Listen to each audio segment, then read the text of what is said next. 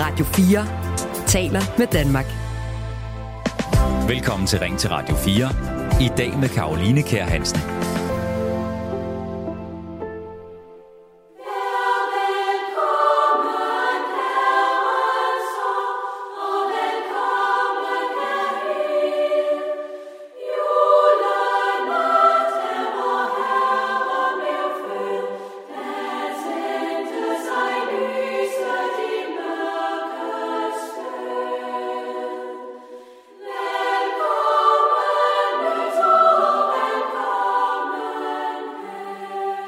Ja, nu er der snart ikke længe til, at vi byder et nyt år velkommen. I morgen aften så går det løs, forhåbentlig med kransekage, champagne, venner og familie.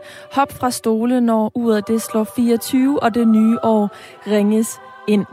Spørgsmålet er så, hvad du byder det nye år velkommen med. Selv gør jeg det med et nytårsforsæt, et udbredt, men også en udskældt tradition, og det er det, som det skal handle om her i årets sidste udsendelse af Ring til Radio 4. For nogen så er det motiverende og en god anledning til en tiltrængt ændring i hverdagen med sådan et nytårsfortsæt. For andre så er det blot en dårlig undskyldning for ikke at implementere ændringen tidligere, og det er forbundet med den ene fiasko efter den anden. Måske fordi ændringen kommer lidt for bræt, er lidt for voldsom, og målet er lidt for urealistisk. Nytårsforsætter, det er virkelig noget, der deler vandene. Jeg er som sagt fan. For mig, der skal et nytårsforsæt til gengæld heller ikke nødvendigvis være forbundet med et forbud. Jeg har haft bestemte rejsemål som nytårsforsæt. Et år, der vil jeg dyrke øh, min store interesse, nemlig bøger mere. Og mit nytårsforsæt for næste år, det er, at jeg skal lave et købestop af tøj. Jeg vil så vidt som muligt forsøge at gå gennem 2023 uden at købe et eneste stykke tøj, og det er slet og ret for at frigive mere tid til det, som jeg hellere vil prioritere, nemlig bevægelse, arbejde, samvær med mine venner og med min familie. For mig så er nytårsforsæt en form for kærlig rettesnor til mig selv om det år, der kommer en reminder om det, jeg ved, der egentlig gør mig glad og gør, at jeg trives i min hverdag og har det godt. Men hvordan har du det med nytårsforsætter? Har du et? Og i så fald, hvad er det? Eller er du mere på den anden fløj, som synes, at nytårsforsæt er totalt unødvendig? Ja, måske synes du lige frem, at det er latterligt og bør afskaffes helt.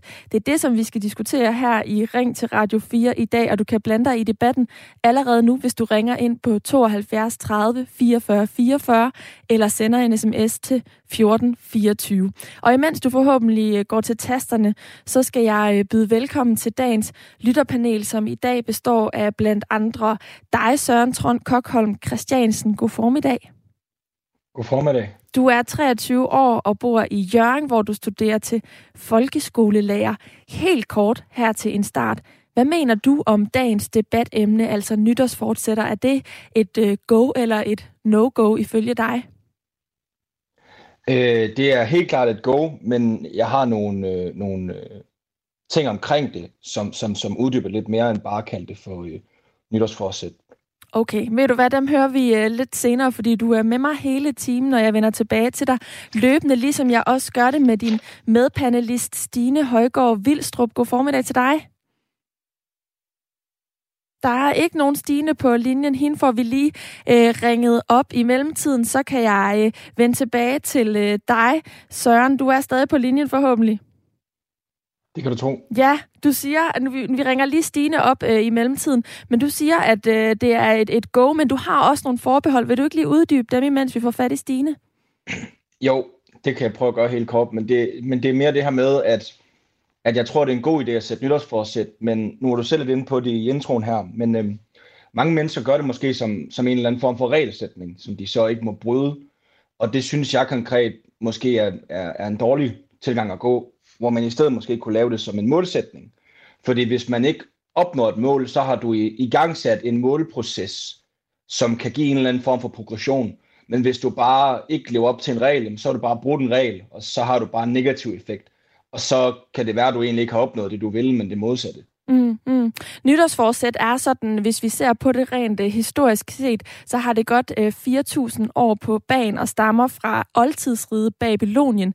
Men i Danmark, der er nytårsforsætter noget, der har været kendt siden uh, øh, 1800-tallet. Her der mindede fortsættet mere om en bøn, uh, end noget, man ligesom lovede sig selv. Du siger jo det her med det her mål, noget man lover sig selv, i hvilket omfang det skal være et mål, eller en kærlig reminder, som jeg vælger at, at kalde det. Mange de fremsagde dengang der i 1800 tallet eksempelvis en ramse om flæsk, brød og mælk for at sikre sig, at de ikke kom til at sulte i det nye år. Og de fleste de ventede dengang med at gøre det til den første nymåne efter nytårsdag, som man mente var det bedste tidspunkt. Nytårsfortsættet, det er ikke længere religiøst, det er bare noget, øh, vi lover os selv. Og det er der til gengæld ikke så mange, som er villige til at gøre længere. Det viser en ny undersøgelse foretaget af Kantar øh, Gallup for gensidig forsikring. Her der siger 65 procent, at de ikke vil lave et nytårsforsæt for 2023. Ser vi på dem, der gjorde det, så er det til gengæld øh, interessant, øh, at man øh, oprindeligt ville lave det her nytårsforsæt for ikke at sulte rent statistisk set, så er det faktisk det modsatte i dag, fordi blandt de mest populære nytårsforsæt for 2023, der er det især målsætninger om sundhed, som går igen. Af dem, som i øh, Gallup-undersøgelsen har svaret, at de laver et nytårsforsæt, så svarer 11,3 procent, at det er ønsket om at tabe sig, der er håbet for 2023.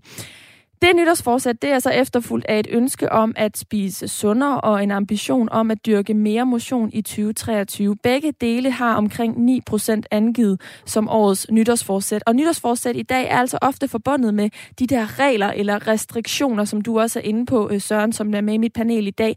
Øh, det har fået sådan en som øh, Svend Brinkmann, der er forfatter og professor i psykologi, til at kritisere traditionen i klummen i 2018 i politikken. Der skriver han, når noget måles, bliver det hurtigt genstand for optimering og konkurrence. Ikke bare på arbejdet mellem forskere eller nyhedsjournalister, men også private ting som søvn, sex og velvære bliver optimeringsfænomener. Måske kunne et paradoxalt nytårsforsæt være et mål om at have færre mål, øve sig i at sige nej tak til kvalificeringskulten og den evige synliggørelse og optælling af hvad som helst, som det mest metriske samfund muliggør. Eller i det mindste blive mere bevidst om, at vi bliver det, som vi måler. Det lyder næsten som om, at du øh, er lidt enig med Svend Brinkmann. Søren, er det rigtigt forstået? Øh, det kan jeg nok ikke komme udenom.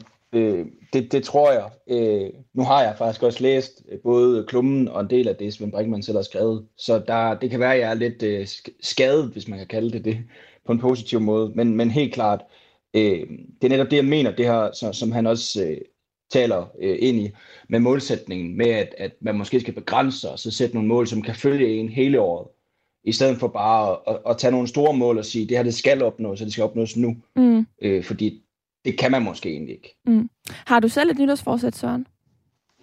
Øh, jamen, jeg, jeg kalder det lidt sådan et, i stedet for nytårsforsæt, så har jeg valgt at kalde det, det her tager jeg med mig, og det her lader jeg blive i, øh, i, øh, mm. i det gamle år. Okay. Øh, vil du røbe, hvad der er på de lister?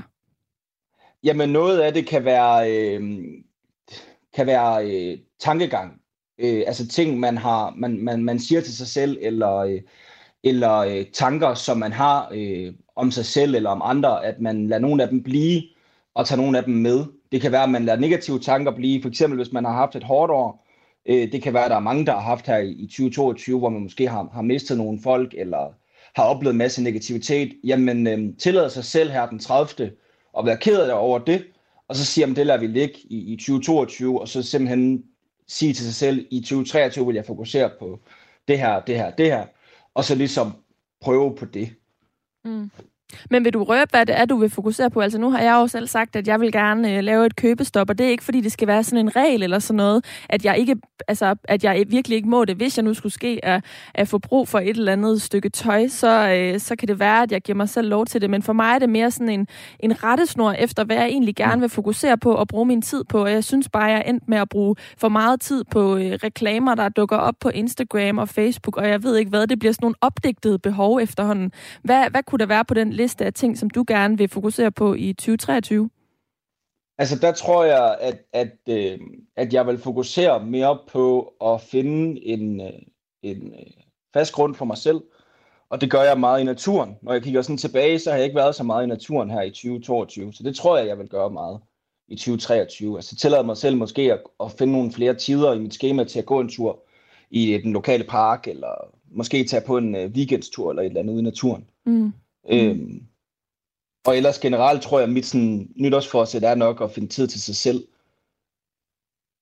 Ja, og netop sige lidt mere nej, måske, som Svend Brinkmann siger. Øh, Lige men, men, men den snak, vi har nu, Søren, illustrerer jo også det der med, hvordan du startede med at sige, at det er et go, men det er også meget sådan øh, kompleks, det her med nytårsforsæt. Man kan altså også vælge at gribe det an på en anden måde, end at det skal være et, et forbud, eller en regel, eller noget, der skal være hårdt, som man, man ikke ligesom kan leve op til. Det kan også være noget, hvor man forsøger at gøre noget, der rent faktisk kan skubbe en øh, i den rigtige retning, og kan være noget, man ligesom, altså hvor man følger øh, Svend Brinkmans råd, men stadig på en eller anden måde giver en rettesnor for det, som man, øh, man kunne have, have godt af at putte mere af eller mindre af i, øh, i sit liv. Søren, hæng på, fordi vi skal lige byde velkommen til øh, Stine, som er den anden i panelet. God formiddag.